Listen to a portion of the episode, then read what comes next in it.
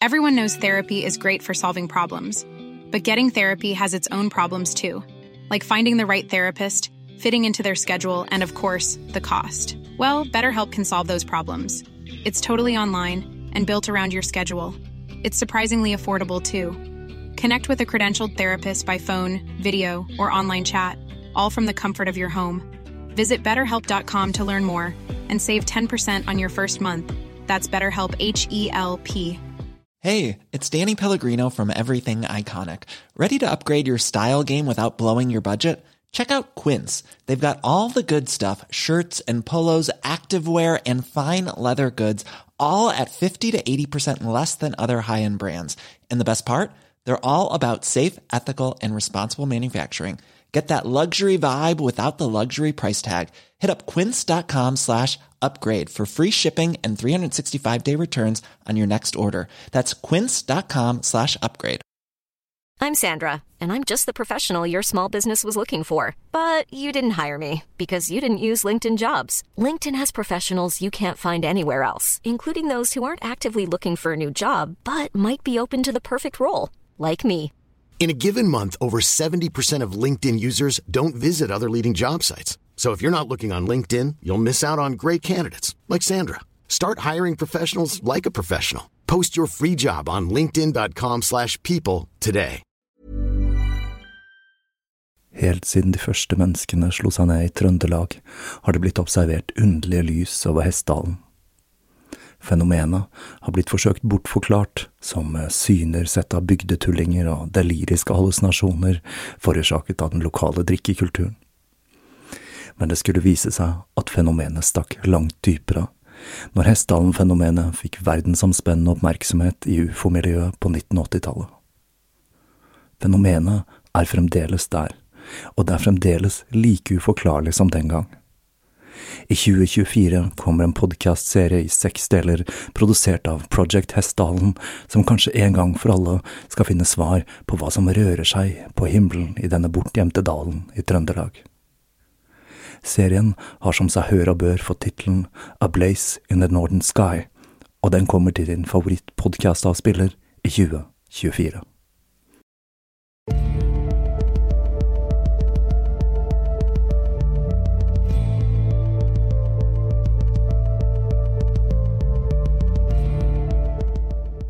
Hei og velkommen til Tåkeprat. Jeg heter Even, og når jeg tar opp denne episode 199, er det onsdag den 21. september 2022. Nå har det duket for den aller siste delen i serien om Marilyn Monroe. Jeg må si at jeg har jobbet ugudelig hardt for å få ut denne episoden til dere i tide, slik at jeg kan sette i gang med arbeidet til jubileumsepisoden nummer 200. Den blir jo som kjent live på Kafé Hærverk i Oslo den 5. oktober 2022.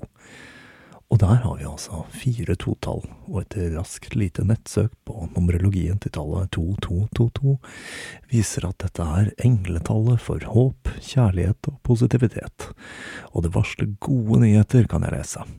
Så der har dere den, altså. Og snakker om gode nyheter så er det nå en svart formsydd T-skjorte til damer til salgs på tåkeprat.com, etter et ønske fra en lytter. Så nå er det mulighet til å utvide tåkepratgarderoben enda mer for de av dere som er interessert i det. Men nå tror jeg vi bare hopper rett inn i dagens episode, for nå skal vi se nærmere på noen av de mest omtalte episodene i livet til Marilyn Monroe. Og jeg avslører vel ikke for mye når jeg sier at denne delen av livet hennes ikke var preget av håp og positivitet.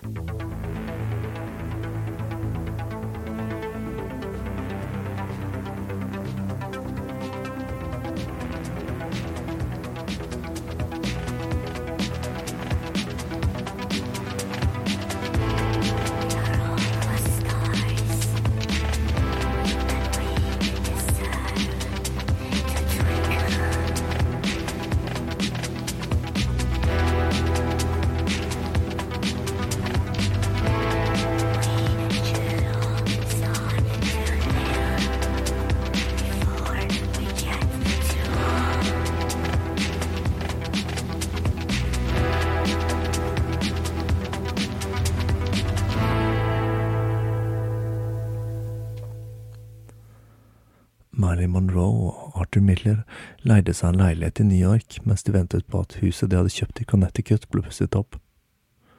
Mens de bodde i New York, forsøkte de å få det allerede skrantende ekteskapet på rett kjøl igjen. Starten på 1957 skulle bli en rolig periode for Marilyn. Om sommeren dro de til en hytte de hadde leid på Long Island, og hun brukte tiden der på å ri og male. I tillegg hadde hun fått en ny psykolog, Marianne Chris, som hun hadde fått anbefalt av Anna Freud, som var ingen andre enn datteren til psykoanalysens far, Sigmund Freud. På denne tiden avsluttet også Marilyn og Milton Green samarbeidet om Marilyn Monroe Productions. Angivelig fordi Green var litt for glad i penger, og de hadde en konflikt om kreativitet. Etter advokatene hadde gjort sitt, kom det til et forlik der Green fikk 100 000 dollar, som var det beløpet han hadde investert i foretaket i utgangspunktet. I juli fikk Merlin vite at hun var blitt gravid. Det å bli mor var noe hun ønsket seg veldig sterkt, men hun var jo litt skeptisk til barnefaren.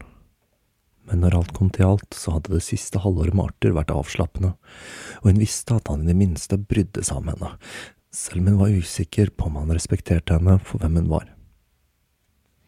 Den første august skulle hun få nedslående nyheter. Hun hadde et ektopisk svangerskap, og det å miste barnet skulle være et ekstremt hardt slag for Marilyn. Og her lærte jeg noe nytt. Et ektopisk svangerskap, eller et ekstra uterint svangerskap, er graviditet der egget fester seg utenfor livmorhulen og etter å ha gjennomgått et ektopisk svangerskap kan det for mange være vanskelig å bli gravid igjen, noe som er svært relevant for historien vår. Den første delen av 1957 hadde altså vært en rolig tid, men nå gikk ting raskt nedover. Det var ikke mye støtte å hente i moren. Når hun fikk høre om spontanaborten, skrev hun et brev der hun skrev at det bare var bra fordi Merlin ikke var klar for å bli mor, siden hun ikke var et ansvarlig menneske. Stemmene kom tilbake, og hun begynte å drikke tett igjen, og pillebruken økte. En kveld Arthur var ute og spiste, fikk restauranten en telefon til ham.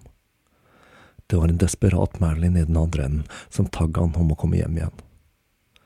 Han dro hjem så raskt han kunne, og da fant han Marilyn, som hadde tatt en overdose. Fra august 1957 skulle Marilyn synke inn i den dypeste depresjonen hun hadde vært i. Hun følte at hun hadde feilet som mor ved å abortere.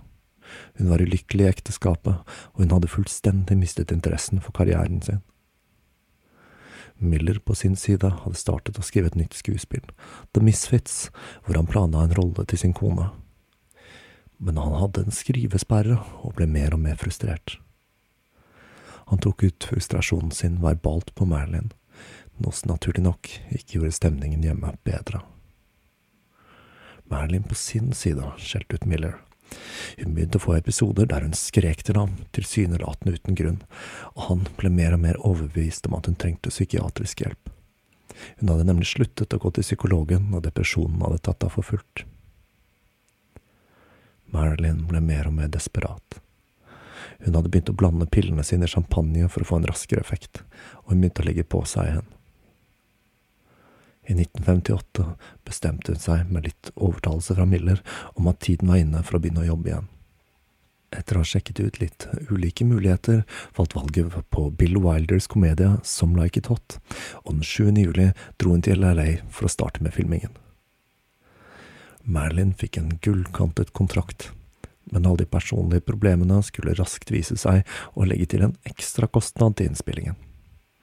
Ifølge Wilder sørget Marilyn alene for at filmen oversteg budsjettet på 2,9 millioner dollar med hele 750 000 dollar. Hun var konstant sen, og små scener kunne ta dagevis å utføre. Noen ganger, når Marilyn hadde spilt i en scene hun var misfornøyd med, begynte hun å hylgråte, og hele produksjonen måtte settes på vent mens hun ble sminket på ny. Hun hadde også store problemer med å huske replikkene sine, og de var nødt til å skrive dem på kort som ble holdt opp for henne under innspillingen, og det dreide seg ikke nødvendigvis om vanskelige replikker. Eksempelvis så måtte de filme en sekvens der hun sier Where is that bourbon? hele 40 ganger før hun klarte å si det riktig. Alle var klar over at Merlin hadde alvorlige problemer. Men til tross for det så ble resultatet på lerretet fantastisk. Og når alt kom til alt, så hadde filmen, som ble en braksuksess, ikke vært mulig å lage uten Marilyn Monroe i rollen som Sugarcane Kowalczyk. Mot slutten av filmingen, den 12. september, etter en lang telefonsamtale med Miller, tok Marilyn enda en overdose med sovepiller. Og hun hadde dødd den dagen om det ikke hadde vært for at en venninne oppdaget henne og kontaktet lege. Når eh, Arthur Miller kom til LA, ble han plutselig klar over at alle som jobbet med Som Like It Hot, var ekstremt lei av Marilyn, og mente at hun var utrolig uprofesjonell. Det gjorde at Miller ble flau på sin kones vegne, og han reagerte med å bli rasende. Han langet ut med Marilyn og skjelte henne ut. Du burde skamme deg, hylte han. Hvordan våger du å ikke huske replikkene dine og være sein hver eneste dag? Hvem tror du at du er, han. I oktober oppdaget Merlin at hun var blitt gravid igjen. Hun skulle egentlig reise til Frankrike for å motta en pris, men hun telegraferte arrangøren og skrev at hun ikke kunne reise fordi hun var, var blitt gravid, og at legen forbød henne å fly. Merlin håpet så inderlig at hun skulle klare å bære fram barnet denne gangen men legen hennes advarte mot det høye alkoholinntaket, og ikke minst mengden med piller hun tok hver dag, og han sa at dette kunne påvirke svangerskapet negativt. Men Marilyn, hun klarte ikke å styre seg. Og da gikk det slik legen fryktet. Den 16. desember 1958 aborterte hun igjen, og skyldfølelsen over kanskje selv å ha forårsaket den andre aborten gjorde at hun ikke maktet å jobbe i hele 1959. I juni det året gjennomgikk hun en undersøkelse hvor det ble slått fast at hun aldri ville kunne få barn.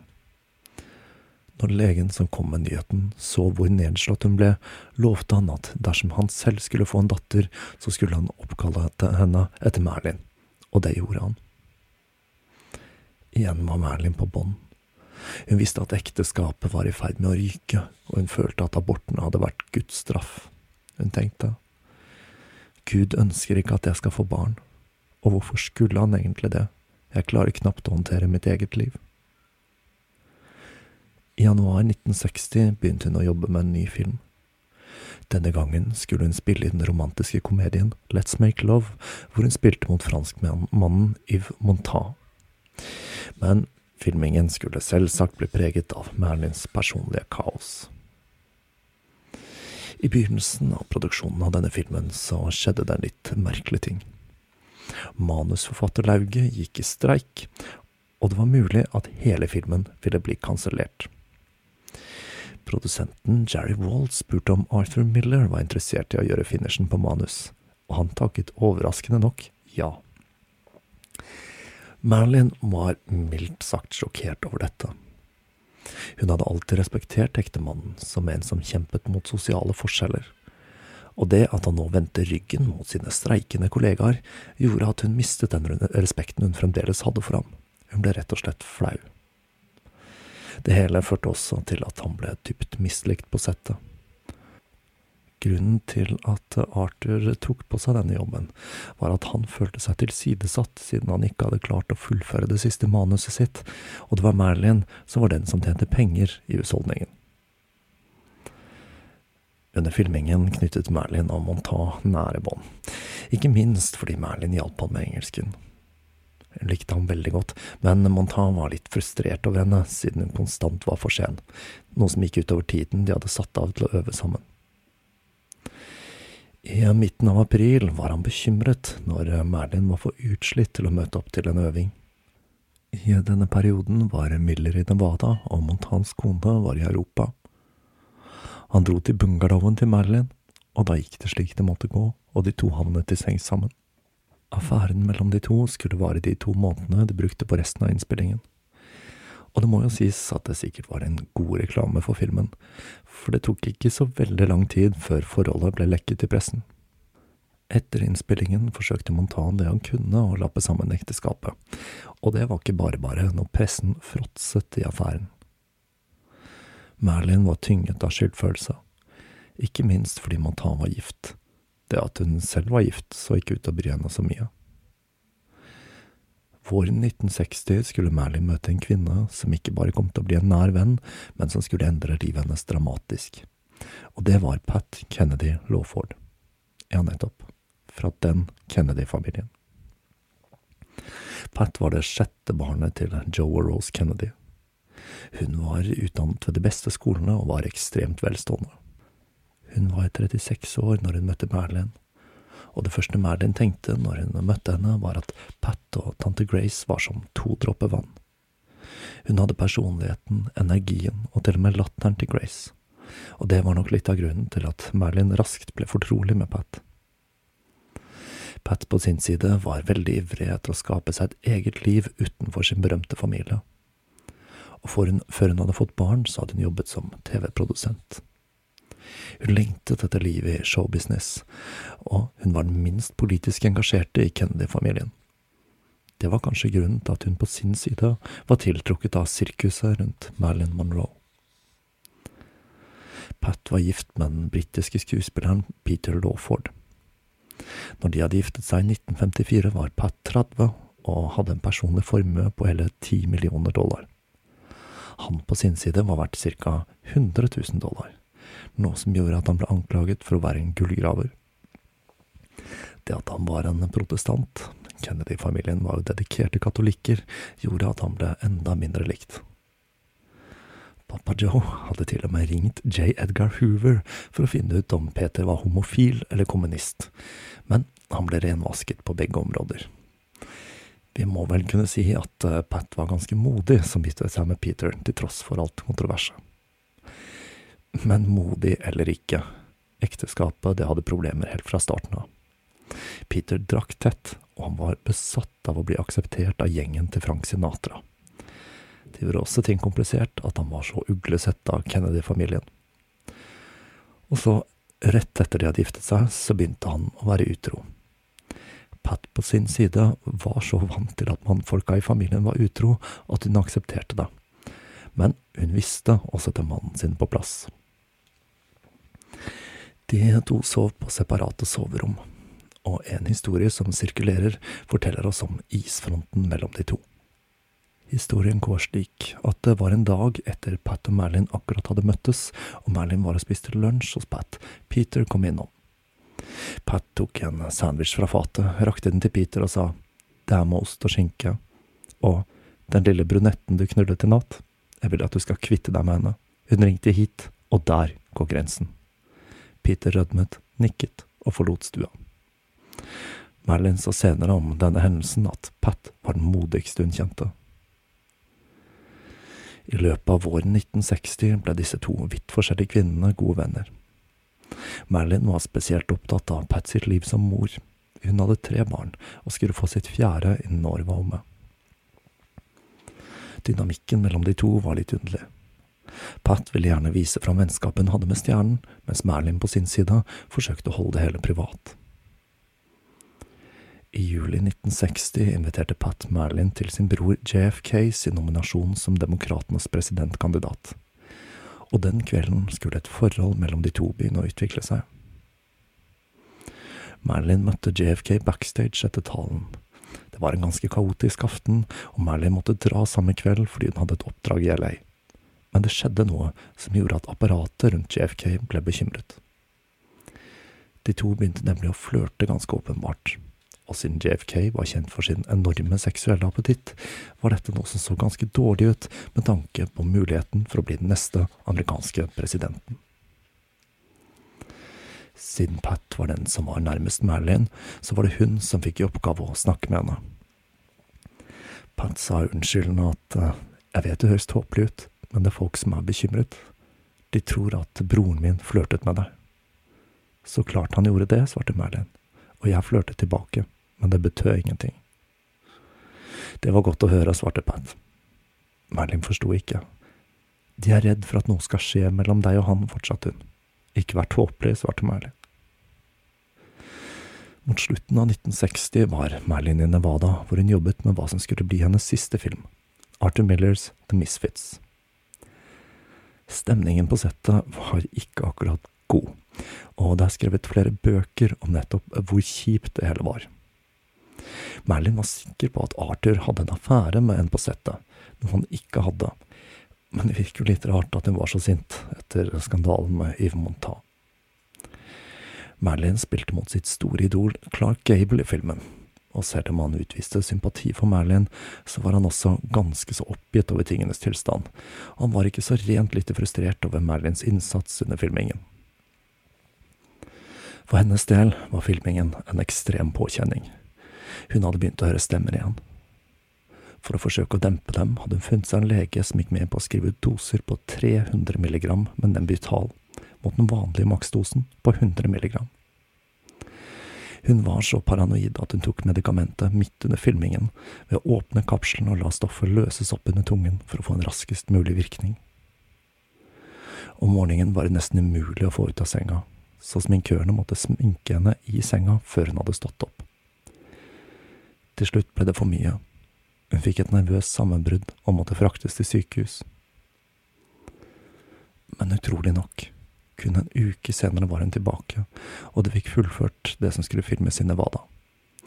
Filmcrewen dro tilbake til LA for å ferdigstille filmen, og Merlin bestemte seg for å ta med vennene sine for å besøke familien til Joe DiMaggio i San Francisco.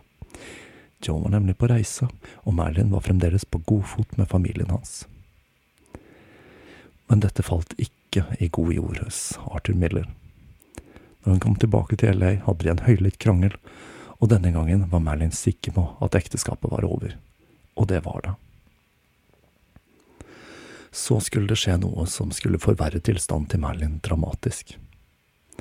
Merlin hadde som sagt alltid vært et fan av Clark Gable, en mann som minte henne om faren hun aldri hadde hatt, og hun hadde dårlig samvittighet for at hun hadde klart å skape så mye hodebry for ham under innspillingen av The Misfits. Den 5. november fikk han et hjerteattakk, og han døde den 16. november, kun 59 år gammel. Like før han døde, hadde han sett den endelige utgaven av The Misfits, og han mente at dette var en av hans beste filmer. Men ryktet, det skulle ha det til at det var alt stresset som ble påført ham av Marilyn under filmingen, som hadde tatt livet av ham. At han røkte 60 om dagen, hadde muligens også noe med saken å gjøre, men historien som ble fortalt, var at det var Merlin som hadde forårsaket dødsfallet.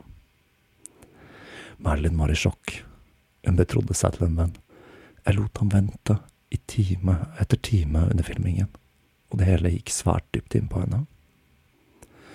Men hun hadde andre ting å ta hånd om enn å tenke på hvordan hun muligens hadde klart å ta livet av et av sine store idoler, og det var skilsmissen fra Miller.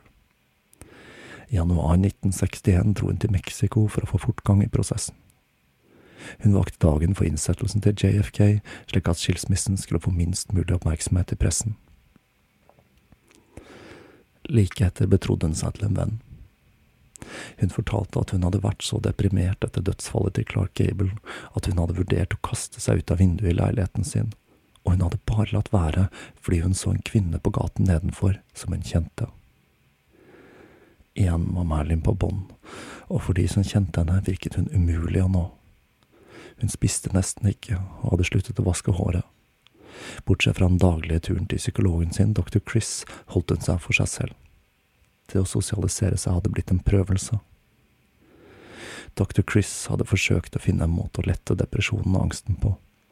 Men når Merlin fortalte om selvmordsforsøket, bestemte hun seg for at noe måtte gjøres. Chris foreslo at hun burde legges inn på en privatklinikk, slik at hun kunne få hvilt skikkelig ut, og motvillig takket Marilyn ja.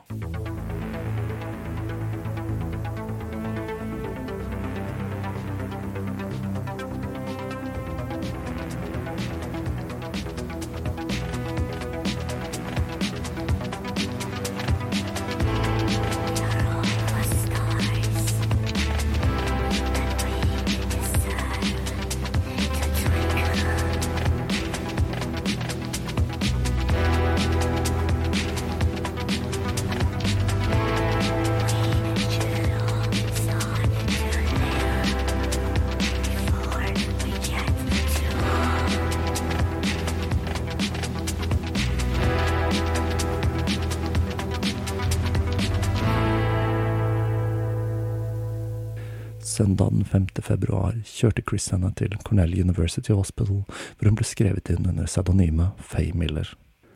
Men når hun skulle gå til rommet sitt, ble hun eskortert til en annen klinikk på anlegget. Når hun kom dit, forsto hun at noe var galt. De som eskorterte henne, var brutale og fjerne, og når de kom dypere inn i bygningen, måtte de gjennom flere metalldører som måtte låses fra begge sider. Hun var blitt ført til Payne Whitney-klinikken, den psykiatriske delen av sykehuset. Når hun forsto hva som var i ferd med å skje, begynte hun å skrike, sparke og slå, og forsøkte å forklare at det hele var en misforståelse, noe som fikk henne til å fremstå som enda mer ustabil. Hun ble låst inn på en liten celle, hvor hun brøt sammen i gråt før hun begynte å dundre med nevene på døra. Hun slo og slo til de ble blodige. Til slutt kom to sykepleiere som sa at dersom hun ikke sluttet, måtte de legge henne i tvangstrøya. De kledde henne naken og tok på henne en sykehustrøye, skrudde av lyset og forlot henne i mørket. Og så var det en ting til som er en smule viktig her. Marilyn fikk ikke medisinene sine. På dette tidspunktet var hun jo steinavhengig av barbiturater og nå var tiden inne for å gå ufrivillig cold turkey innesperret i mørket på en psykiatrisk klinikk. De neste dagene ble hun fortalt at hun skulle få lov til å slippe ut dersom hun lovte å sosialisere seg med de andre pasientene. Når hun gikk rundt på avdelingen, henvendte en annen pasient seg til henne, som sa at hun så trist ut, og fortalte at det sikkert ville hjelpe å ringe noen hun kjente. Hun tok henne med til en telefon og ga henne en mynt til å ringe med. Merlin så muligheten for en vei ut, men akkurat idet hun skulle til å løfte røret, ble hun stoppet av en vakt som sa at hun ikke hadde lov til å bruke telefonen.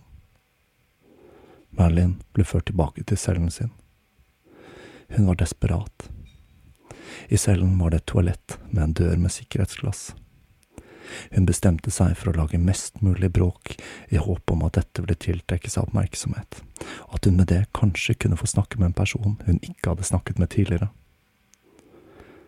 Hun tok den ene stolen hun hadde i rommet og begynte å kaste den mot toalettdøren.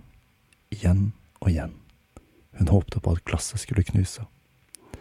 Til slutt klarte hun å få en sprekk i det, og hun pirket løs en liten bit med glass. Døren til cellen ble revet opp, og flere sykepleiere og vakter stormet inn i rommet. Merlin trakk seg tilbake til senga og holdt biten med glass mot håndleddet mens hun skrek, om dere ikke slipper meg ut, tar jeg livet av meg. Hun ble lagt i bakken og fraktet til en annen etasje, hvor hun etter at hun hadde roet seg, fikk beskjed om å ta et bad. Etter hun hadde ventet en stund, kom en ung lege for å snakke med henne. Merlin fortalte gråtende at hun hadde blitt innlagt på sykehuset fordi terapeuten hennes hadde forrådt henne. Legen virket uberørt og svarte. Du er en veldig, veldig syk jente, og du har vært syk lenge. Han fortsatte. Jeg kan ikke forstå hvordan du noen gang kan ha klart å spille i en film så deprimert som du er. Dette er vel det man kaller mansplaining, er det ikke det? Merlin så på han gjennom tårene og svarte. Tror du ikke Greta Garbo, Charlie Chaplin og Ingrid Bergman var deprimerte når de spilte? Doktoren svarte ikke på spørsmålet, men noterte ekstremt forstyrret og potensielt farlig for seg selv i notatboken sin. Så forlot han henne.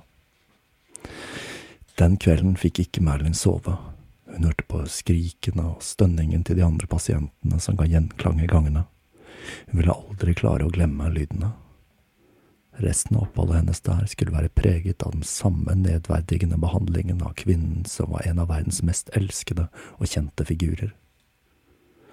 Til slutt fikk hun lov til å skrive et brev til verden utenfor, og hun bestemte seg for å skrive til vennene Lee og Paula Strasberg. Brevet var en bønn om hjelp, men når Lee Strasberg fikk det, så ringte han til dr. Chris, som fortalte ham at Merlin hadde blitt innlagt siden hun var suicidal, og han bestemte seg derfor for ikke å blande seg inn. En morgen fikk hun beskjed om at hun skulle få lov til å ta en telefon dersom hun oppførte seg ordentlig. Merlin tenkte gjennom mulighetene sine, og hun kom på én person hun følte hun kunne stole på ville hjelpe henne i denne ekstreme situasjonen, og det var Joe DiMaggio. Når han fikk en telefon fra Marilyn der hun gråt og fortalte at hun var lagt inn på galehus, trodde han først at hun var rusa og hadde et av angstanfallene sine. Men sakte, men sikkert gikk det opp for ham at hun faktisk snakket sant. Når Marilyn roet seg, klarte hun å hikste fram. Jeg trenger deg. Og det var alt Joe trengte å høre for å sette seg på flyet samme dag og fly rett til LA. Han dro sporenstreks til sykehuset og forlangte at hun skulle slippes ut allerede neste dag. Jeg kommer til å rive ned bygningen stein for stein, skrek han til den forskrekkede sykepleieren i skranken. Han fikk snakke med doktor Chris på telefonen, som også fikk seg en real skyllebøtte, og det ble avgjort at Merlin skulle slippes ut neste dag. Om ettermiddagen den 10. februar ble hun hentet av sin gode venn Ralph Roberts, som også hadde med seg doktor Chris i bilen. Marilyn skjelte ut psykologen etter noter, og etter Merlin hadde blitt sluppet av, satt dr. Chris skjelvende og gråtende igjen i bilen med Ralph mens hun mumlet Jeg gjorde en forferdelig ting, en forferdelig, forferdelig ting. Når Joe fikk stasjonert Merlin i leiligheten hennes, innså han at hun var jo ikke helt frisk. Hun hadde gått en lengre periode uten pillene sine, og nå var ikke alt som det skulle. Psykologen hadde kanskje vært inne på noe, men det var løsningen det var noe galt med, slo han fast. Joe foreslo at hun skulle la seg innlegge på det nevrologiske instituttet til Columbia University Presbyterian i tre uker. Madeline sa seg villig til det, mot at Joe skulle komme på besøk hver eneste dag. Det sa han ja til, og det første Madeline gjorde etter hun ble innlagt, var å ta kontakt med advokaten for å få han til å sette opp et dokument der det sto at hun ikke kunne tvangsinnlegges uten at Joe DiMaggio ble kontaktet først. Når de tre ukene var gått og hun gikk ned trappen fra sykehuset, ble hun rent ned av en mobb av fotografer og reportere, og hun nøt hvert eneste sekund av det hele. Etter hun slapp ut fra sykehuset, følte Marilyn at tiden var inne for å begrave stridsøksen med mannen som hadde fått henne ut, Joe DiMaggio, og de to startet på ny et romantisk forhold. Men denne gangen ble de enige om at det skulle være et uforpliktende et. I mars 1961 dro de på ferie til Florida sammen. Men like før de skulle dra, kom Merlin over en artikkel som skulle gjøre henne nedfor. For der kunne hun lese et sitat fra Key Gable, Clark Gables enke, hvor det sto at enken trodde at det var Merlin som hadde forårsaket Gables død. Men det skulle raskt vise seg at Kay ikke hadde kommet med den uttalelsen, og Merlin fikk et brev fra henne der Kay gjorde klart at hun aldri hadde påstått at Merlin hadde noe med mannens død å gjøre. Like etter besøkte Merlin Kay, og det at hun ikke trodde at Merlin hadde noe med dødsfallet å gjøre, det hjalp litt. Men det forhindret ikke at Merlin fremdeles gikk og følte på en tvil om hennes rolle i dødsfallet til idolet. Marilyn skulle også fyre opp forholdet med Frank Sinatra igjen i denne perioden, og den 7. juni 1961 ble hun invitert med han til Las Vegas i anledning Dean Martins bursdag. På denne festen skulle Merlin vise seg fra sin ikke aller beste side, må vi kunne si. Hun begynte å helle nedpå med champagne allerede klokka tolv på dagen, og ble stadig mer beruset når festen begynte å nærme seg. Pat, som var gravid i åttende måned, tok Merlin til side og sa, Som vennen din må jeg fortelle deg at du ikke er spesielt sjarmerende når du er full. Etter først å ha blitt fornærmet, så hun på Pat og innså at hun hadde rett, men så svarte hun, det er den eneste måten jeg kan dempe stemmen i hodet på. Festen skulle bli en katastrofe for Merlins del. Sinatra hadde tenkt å holde det hele, og spesielt forholdet mellom han og Merlin, low-key, men det var ikke så enkelt når Merlin var pærefull og støttet seg til ham for å holde balansen. Etter ikke lang tid fortalte hun at hun måtte kaste opp, og med kommentaren Herregud, Merlin, ikke nå igjen, fikk han ført henne ut av lokalet og tilbake til rommet hennes. Mot eh, slutten av juni ble Merlin diagnostisert med gallestein og en betennelse i galleblæren. Etter en vellykket operasjon kom Bernice til New York for å ta seg av søsteren mens hun kom til hektene igjen, og hun ble sjokkert over det ekstreme pilleinntaket hennes. Legen til Marilyn kom hjem til henne hver eneste kveld, og de to drakk drinker mens han skrev ut sjenerøse mengder med ulike medikamenter. Det hele var rett og slett litt merkelig, og en kveld spurte Bernice legen om søsteren virkelig trengte alle sovepillene hun fikk skrevet ut, hvorpå Merlin brøt av. Hey, I'm Ryan Reynolds. Recently, I asked Mint Mobile's legal team if big wireless companies are allowed to raise prices due to inflation. They said yes. And then when I asked if raising prices technically violates those onerous two-year contracts, they said, what the f*** are you talking about, you insane Hollywood ass?" So to recap, we're cutting the price of Mint Unlimited from $30 a month to just $15 a month. Give it a try at mintmobile.com slash switch. $45 upfront for three months plus taxes and fees. Promoting for new customers for limited time. Unlimited more than 40 gigabytes per month. Slows. Full terms at mintmobile.com. I'm Sandra, and I'm just the professional your small business was looking for. But you didn't hire me because you didn't use LinkedIn jobs. LinkedIn has professionals you can't find anywhere else, including those who aren't actively looking for a new job but might be open to the perfect role, like me.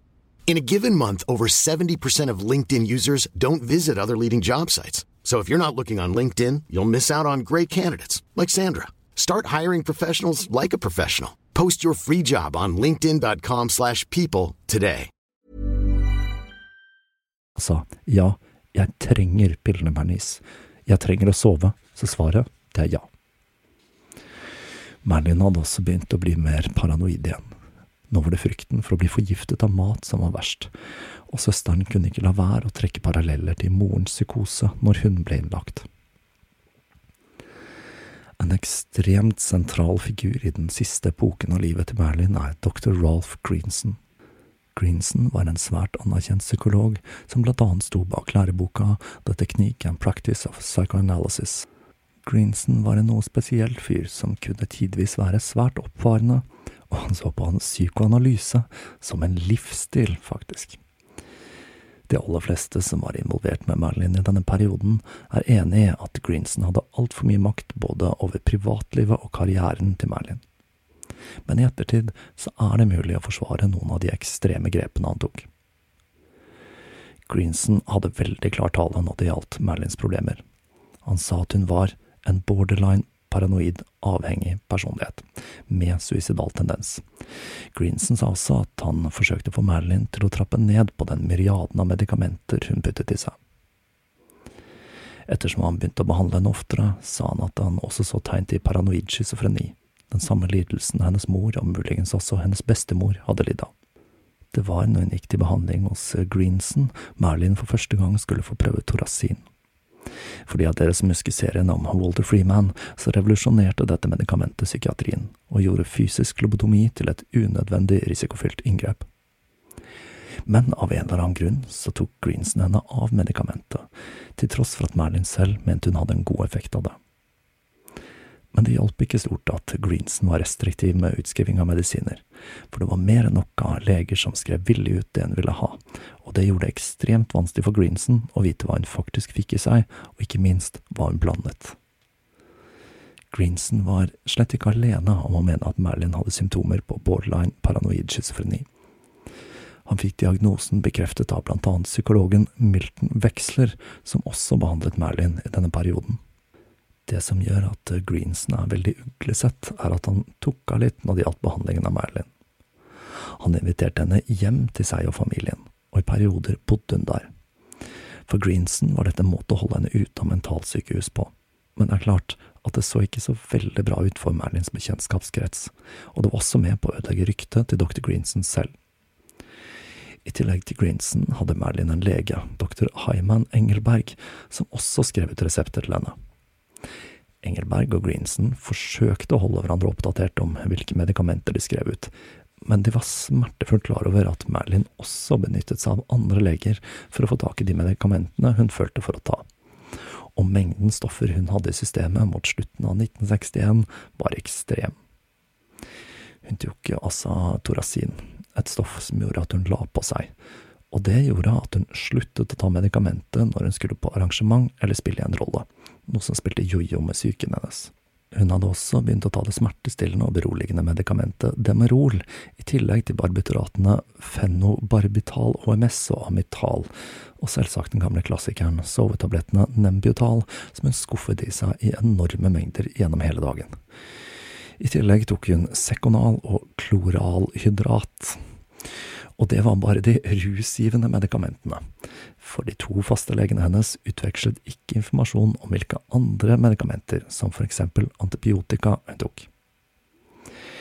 Merlin hadde også begynt å få injeksjoner med vitaminer, og hun hadde lært seg å sette sprøyter på seg selv.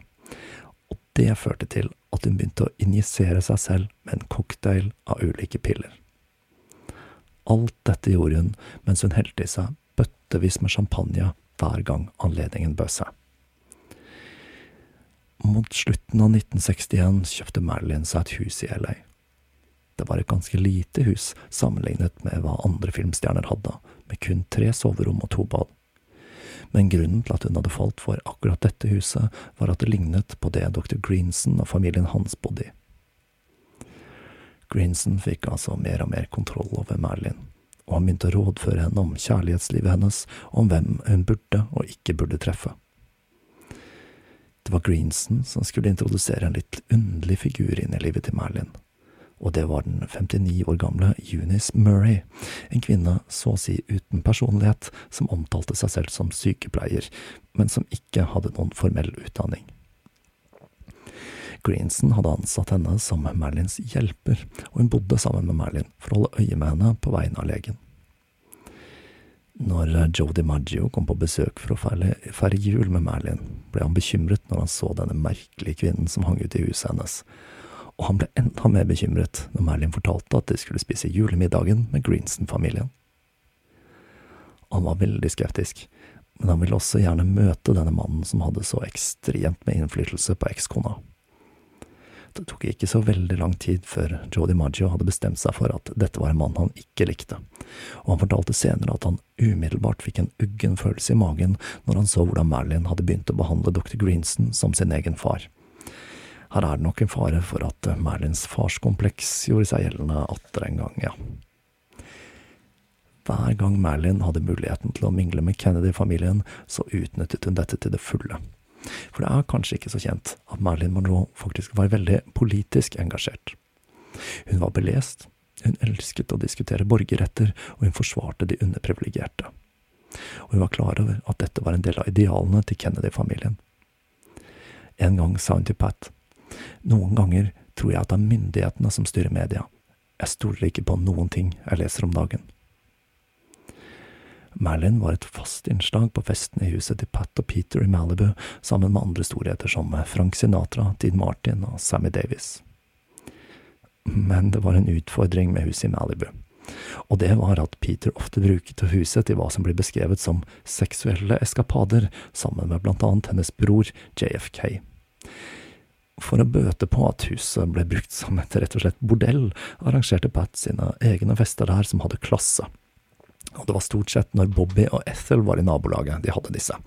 Og det var på en av disse festene Marilyn møtte Bobby for første gang.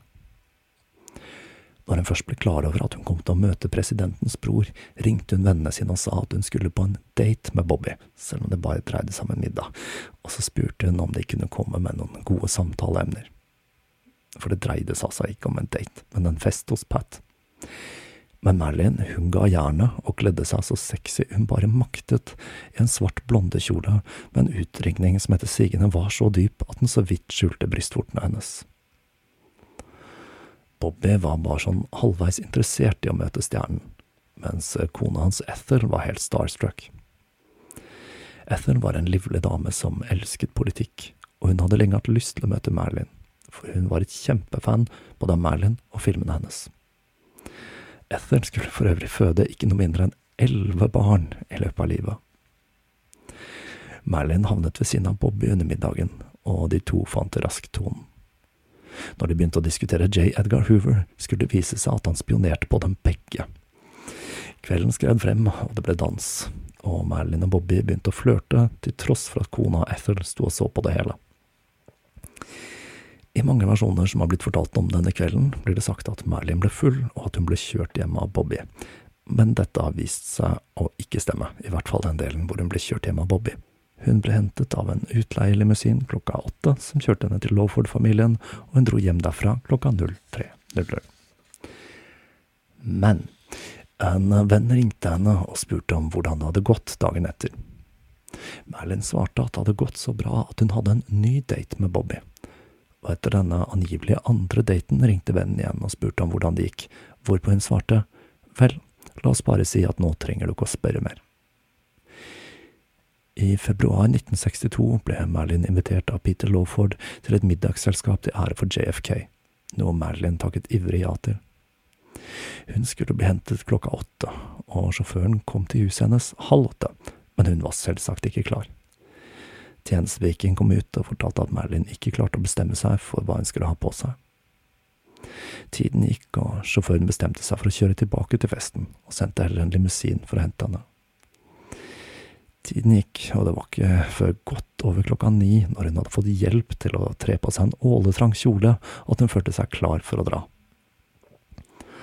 Alle bortsett fra Merlin hadde selvsagt kommet når hun gikk inn i lokalet, men når hun kom, så stoppet alle å prate, og alle gikk til side for å slippe henne frem. JFK tok henne i armen, og før hun dro den kvelden, spurte han om telefonnummeret hennes. Han ringte henne allerede neste dag og fortalte at han kom til å være i Palm Springs den 24. mars, hvor han skulle bo hos en venn, Frank Sinatra, og så la han til, Jackie kommer ikke til å være der.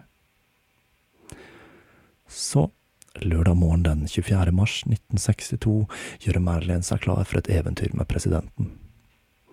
Marilyn var blitt så vant til livet som en sexgudinne alle ville ha i løpet av 50-tallet, og hun var vant til å være selskapet til intelligente og mektige menn som Jodi Maggio og Arthur Miller så for henne var invitasjonen til presidenten bare enda en brikke i puslespillet Marilyn Monroe. Hun tilbrakte helgen i Palm Springs, og for de andre som var til stede, var det åpenbart at hun og presidenten hadde et intimt forhold. Merlin tilbrakte to netter med presidenten der, og det skal visstnok ha vært all seksuell kontakt de to skulle ha hatt, til tross for alle historiene som har oppstått etter de to døde. For uh, Secret Service og vennene til JFK var det ikke noe spesielt med denne korte affæren. JFK hadde en hel haug med elskerinner, og det var ikke noe spesielt i så henseende med Marilyn Monroe.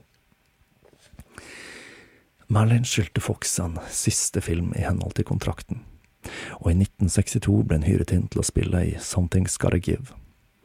Innspillingen av filmen, som til slutt ble kansellert av Merlin, var så kaotisk at det har blitt skrevet egne bøker om den også. Hun hadde nemlig andre ting å tenke på enn film. Etter helgen i Palm Springs hadde hun blitt besatt av JFK, og hun var desperat etter å få treffe ham igjen. Det er lett å tenke seg hvorfor. Hun var mest sannsynlig paranoid schizofren, og ikke bare trodde hun at hun ble overvåket, hun ble faktisk overvåket av blant annet FBI. JFK representerte den ultimate beskytteren som presidenten av USA og den mektigste mannen hun hadde møtt. Han var rett og slett den perfekte beskyttende farsfiguren. The daddy of all daddies, som du vil.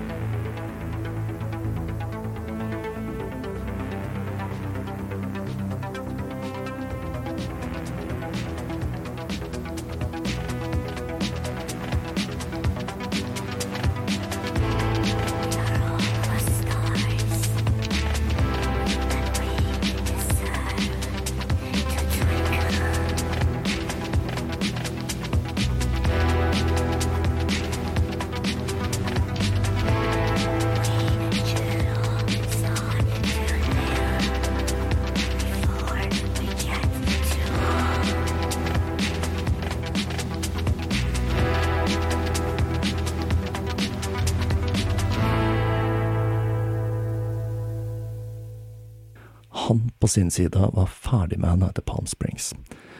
Og det var det en grunn til. Det var Jackie. Hun var vant til sin manns sidesprang, men dette med Merlin det ble litt for mye for henne. Hun hadde nemlig hørt at Merlin hadde store psykiske problemer, og hun fortalte mannen sin at hun ble kvalm når hun hadde hørt om hvordan han hadde utnyttet en sårbar kvinne. Hun skulle til og med true med skilsmisse dersom han gjenopptok kontakten med henne. JFK han skjønte tegninga, han, og han nektet å svare når Merlin forsøkte å ringe ham. Problemet var selvsagt at han ikke hadde fortalt Merlin at det var slutt, og han valgte i stedet å ghoste henne, noe som nok ikke var det beste for en med de psykiske utfordringene Merlin hadde. Det at han aldri ringte tilbake, var i ferd med å slite henne i stykker. Den 10. april 1962 skulle Merlin møte manusforfatteren til Something's Gotta Give, Henry Weinstein. Hun hadde vært i studio dagen før, og da hadde hun strålt under kostymet og sminkeprøven. Men nå dukket ikke Merlin opp, så Weinstein forsøkte å ringe henne, men han fikk ikke svar på de første forsøkene. Og når Merlin først plukket opp røret og han spurte hvordan det gikk, svarte hun det går bra, men det hørtes slett ikke ut som om det gikk bra. Hun snakket usammenhengende, og det virket som hun ikke forsto alt han sa. Weinstein sa at han kom til å dra dit for å sjekke om alt sto bra til og etter han hadde lagt på, så ringte han dr. Greenson, og de to dro til huset til Merlin. Der fant de henne bevisstløs på senga. Hun hadde tatt en dødelig kombinasjon av nembutal, demerol, kloradhydrat og librium. Det begynte etter hvert å gå opp for Merlin at JFK var ferdig med henne, og slik historien vanligvis blir fortalt, så gikk hun rett i armene til Bobby Kennedy, og de, de to hadde en affære. Men at det skjedde, det er slett ikke sikkert. Bobby syntes synd på Merlin når han fortalte henne at JFK ikke ville treffe henne mer, og han sa at hun kunne heller ringe ham enn broren. De to hadde flere lange telefonsamtaler. Merlin på sin side fortalte alle i omgangskretsen at hun hadde en affære med Bobby, men hun er også det eneste sannhetsvitnet vi har til dette påståtte forholdet. Vennene til Bobby Kennedy, og ikke minst Ethel, sa at det ikke hold i påstanden om et forhold mellom de to, og med tanke på Merlins historikk med å finne på historier, og ikke minst den skjøre emosjonelle tilstanden hun var i i den perioden, så er det vanskelig å vite hva man skal tro. I mai 1962 skulle en av de mest minneverdige og merkeligste hendelsene i Merlins liv finne sted. JFK skulle markere sin 45. bursdag i Madison Square Garden. Peter Lawford hadde foreslått at de kunne få Merlin til å synge Happy Birthday til presidenten, noe som mildt sagt var litt over streken med tanke på forholdet de to hadde hatt, og besettelsen Merlin hadde hatt i etterkant.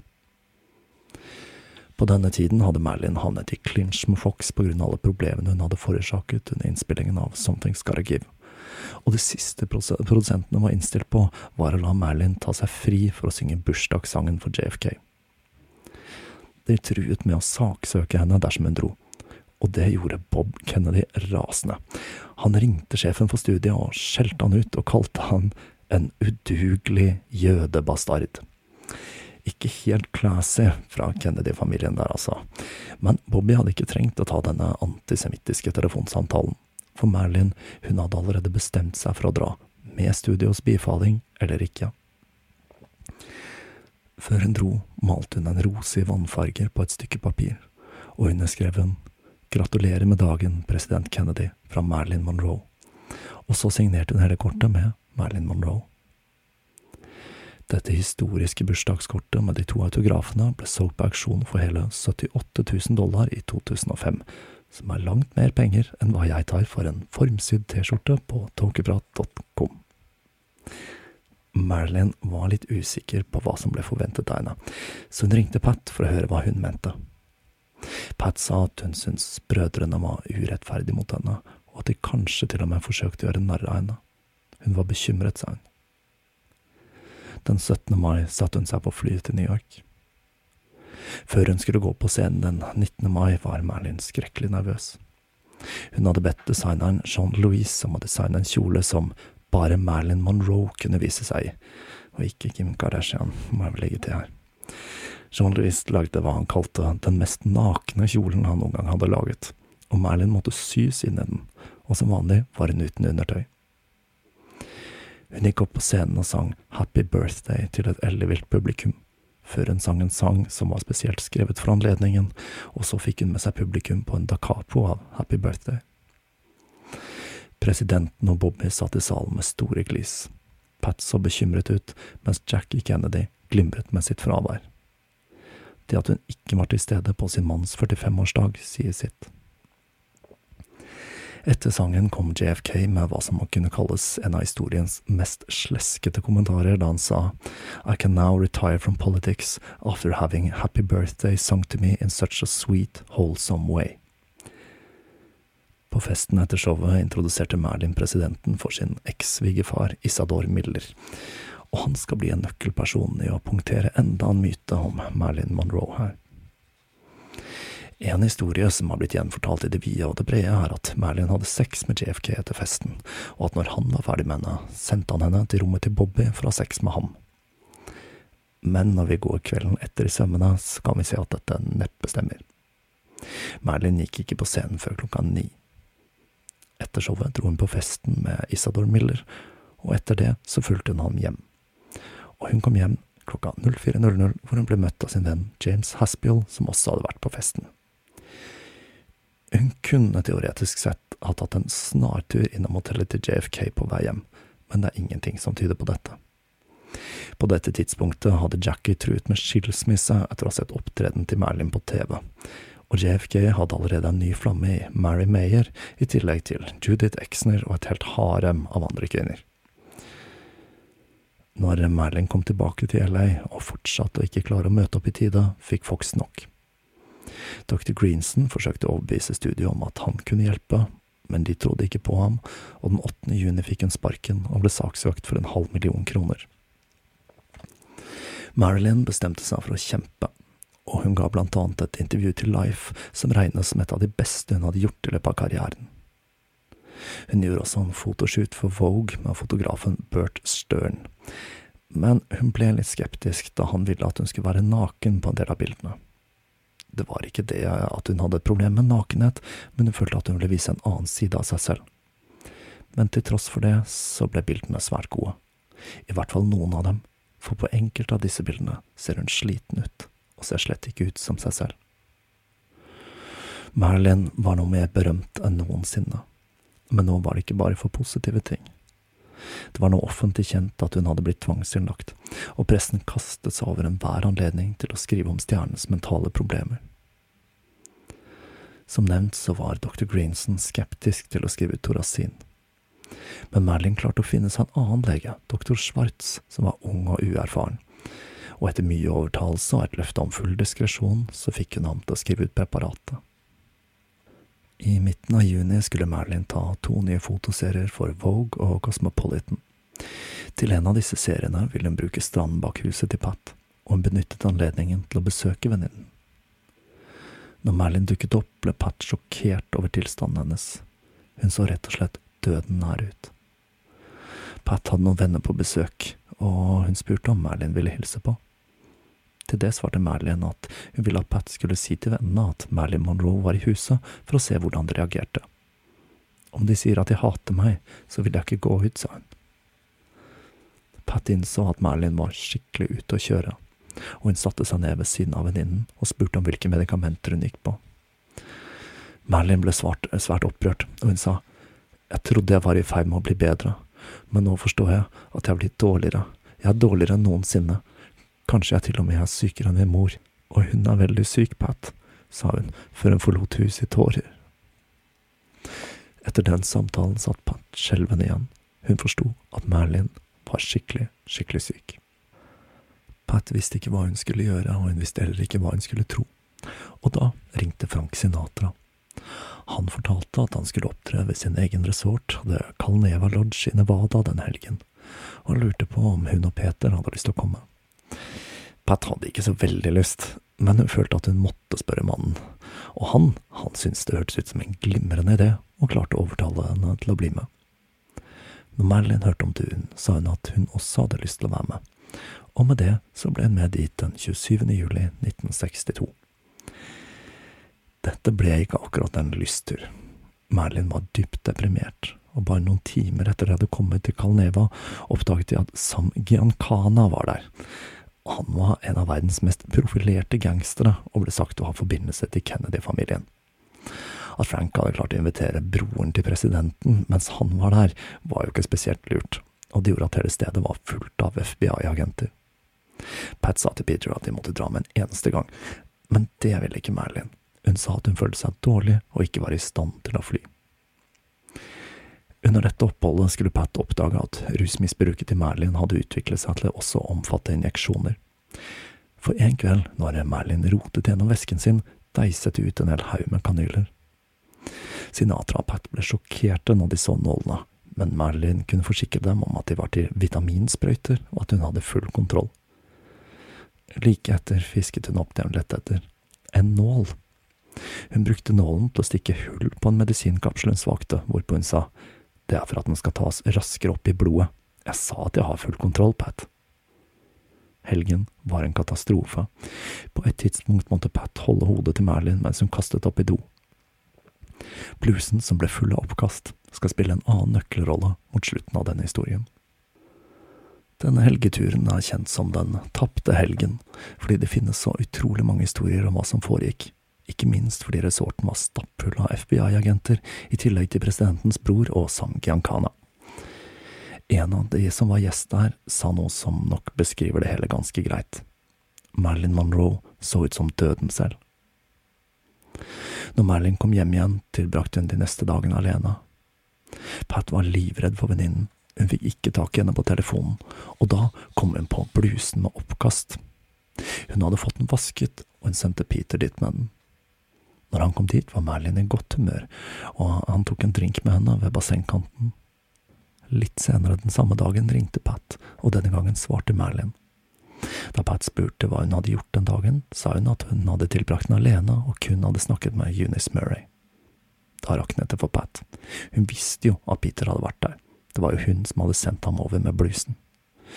Merlin sa at hun ikke hadde fortalt det fordi hun ikke ville at Pat skulle bli sjalu, og da eksploderte Pat og sa at Peter så på henne som et såret barn, og at hun syntes det var sykt at Marilyn så på alle menn som noen som ville ha henne, og alle kvinner som noen som var sjalu på henne. Den siste dagen i Marilyns liv var den 4. august 1962. Det hadde skjedd flere positive vendinger i livet hennes.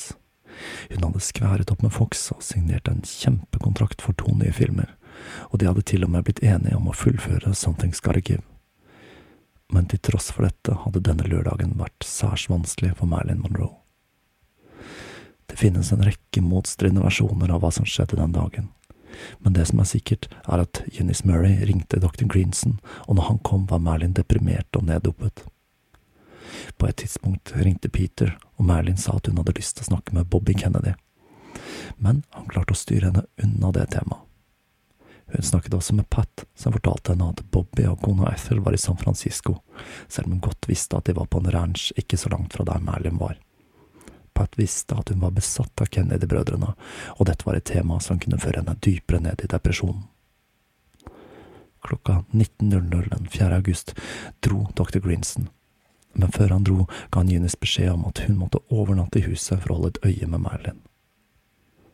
Omtrent samtidig ringte Peter for å invitere henne til et middagsselskap, noe Merlin takket nei til. Resten av Merlins liv skulle hun tilsynelatende tilbringe alene mens hun ruset seg lenger og lenger inn i døden. Hun fortsatte å ringe, men hvor mange telefonsamtaler hun faktisk hadde, er høyst usikkert. Det er mange som har påstått at de snakket med Merlin denne kvelden, som nok påsto dette for å bli en del av mystikken som omgir Merlins siste timer. Peter ringte igjen, og han kunne høre at ikke alt var som det skulle. Merlin sa si farvel til Pat, si farvel til presidenten, og si farvel til deg selv fordi du er en så bra fyr. Peter forsøkte å ringe tilbake, men da var linjen opptatt. Han ville dra og sjekke om alt var ok, men da han sa dette til businesspartneren sin, Milton Ebbins, sa han at han var redd at hun hadde tatt en overdose, og at det ikke ville se bra ut om presidentens svigerbror fant henne død. Ebbins ringte derfor til advokaten til Merlin, Mickey Rudin, som ringte til huset klokka 21.00. Juni svarte, og hun kunne fortelle han at Merlin hadde det helt fint. Klokken 02.00 den natten ringte Eunice dr. Grinson og fortalte at døren til Merlins rom var låst. Han dro rett til huset, hvor han ankom fem minutter senere. Grinson kikket gjennom vinduet til soverommet, og der kunne han se at Merlin lå livløs på senga. Han knuste glasset og tok seg inn, og innså raskt at Merlin var død. Hun holdt telefonrøret i sin høyre hånd, og ved siden av senga lå en hel haug med åpne pilleglass. Den 5. august 1962 ga Merlin alt hun hadde igjen. Hun ga sitt eget liv for alltid å forbli en skinnende stjerne som aldri vil dø. Hun døde for oss.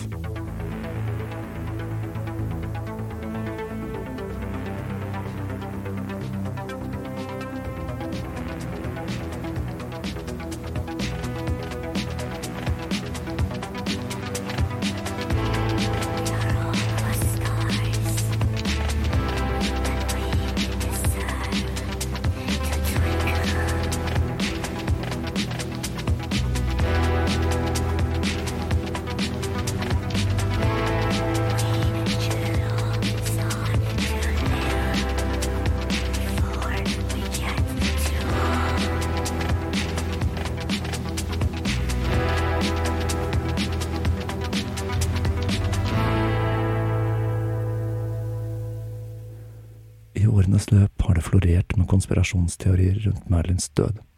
og det har blitt insinuert flere mulige gjerningsmenn, som Bobby Kennedy, FBI, Peter Lawford, Dr. Greenson, Eunice Murray og mafiaen. Hva som nøyaktig skjedde den fatale augustnatten, er et mysterium vi aldri vil få et fullgodt svar på, for det er noen underlige ting rundt dødsfallet hennes. Som at de som fant henne, ventet to timer før de tok kontakt med ambulanse, og at Juni senere skulle si at det ikke var noen lås på døra til Marilyn. Mange har også argumentert for at det ikke var noen grunn til å begå selvmord, siden ting var i ferd med å gå så bra i karrieren hennes, med en ny kontrakt med Fox og det hele. Men nå som vi har jobbet oss gjennom livet til Marilyn, med alle hennes opp- og nedturer, og vi har sett hvordan hun sank dypere og dypere ned i depresjon, og ikke minst rusbruk, så er det nærliggende å tro at dette dreide seg om enten et bevisst selvmord eller et desperat forsøk på å stilne stemmen i hodet som hadde fulgt henne hele livet.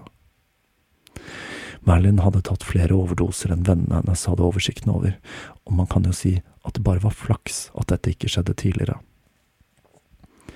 Så selv om det er noen løse tråder her, og det er fristende å trekke inn en stor konspirasjon med presidenten, mafiaen og FBI, så er nok dette først og fremst en historie om en kvinne som mot alle odds ble et av de største ikonene i det 20. århundre, og som ga absolutt alt for å bli likt av oss, av publikum. Marilyn Monroe er blitt et ikon og et symbol som har hatt en enorm innflytelse på de som fulgte etter. Hun redefinerte stil og skjønnhet, og hun ble et uventet symbol for kvinnefrigjøring. Samtidig så er livshistorien hennes en med dype røtter i tragedia, som en som ble spist levende av rampelyset, og ikke minst så er historien hennes blitt en som har satt søkelyset på mental helse. Det som er helt sikkert, er at hun var langt fra den todimensjonale karakteren hun gjerne fremstilte seg selv som.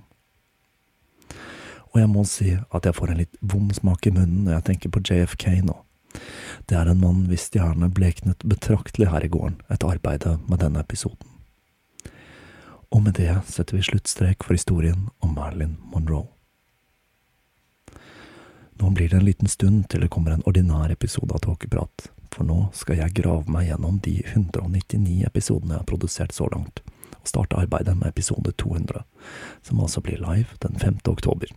Billetter fås kjøpt på tåkeprat.com. Fram til neste gang vi høres, så vil jeg takke alle for følget gjennom denne serien. Tips gjerne en venn, og gi gjerne podkasten en god rating der du hører på den. Jeg føler at Tåkeprat fortjener å komme høyere opp på listene der ute men det er kanskje vanskelig å finne denne gamle traveren i jungelen av nye podder der ute, om man er en ny podkastlytter. Som vanlig vil jeg også takke alle patrions. Dere er ryggraden til denne podkasten. Jeg vil også takke alle som har donert, alle som har handlet i nettbutikken, og ikke minst deg som hører på. Noen av dere treffer jeg kanskje den 5. oktober. For de som ikke har muligheten til å komme, så kan jeg bare si på gjenhør.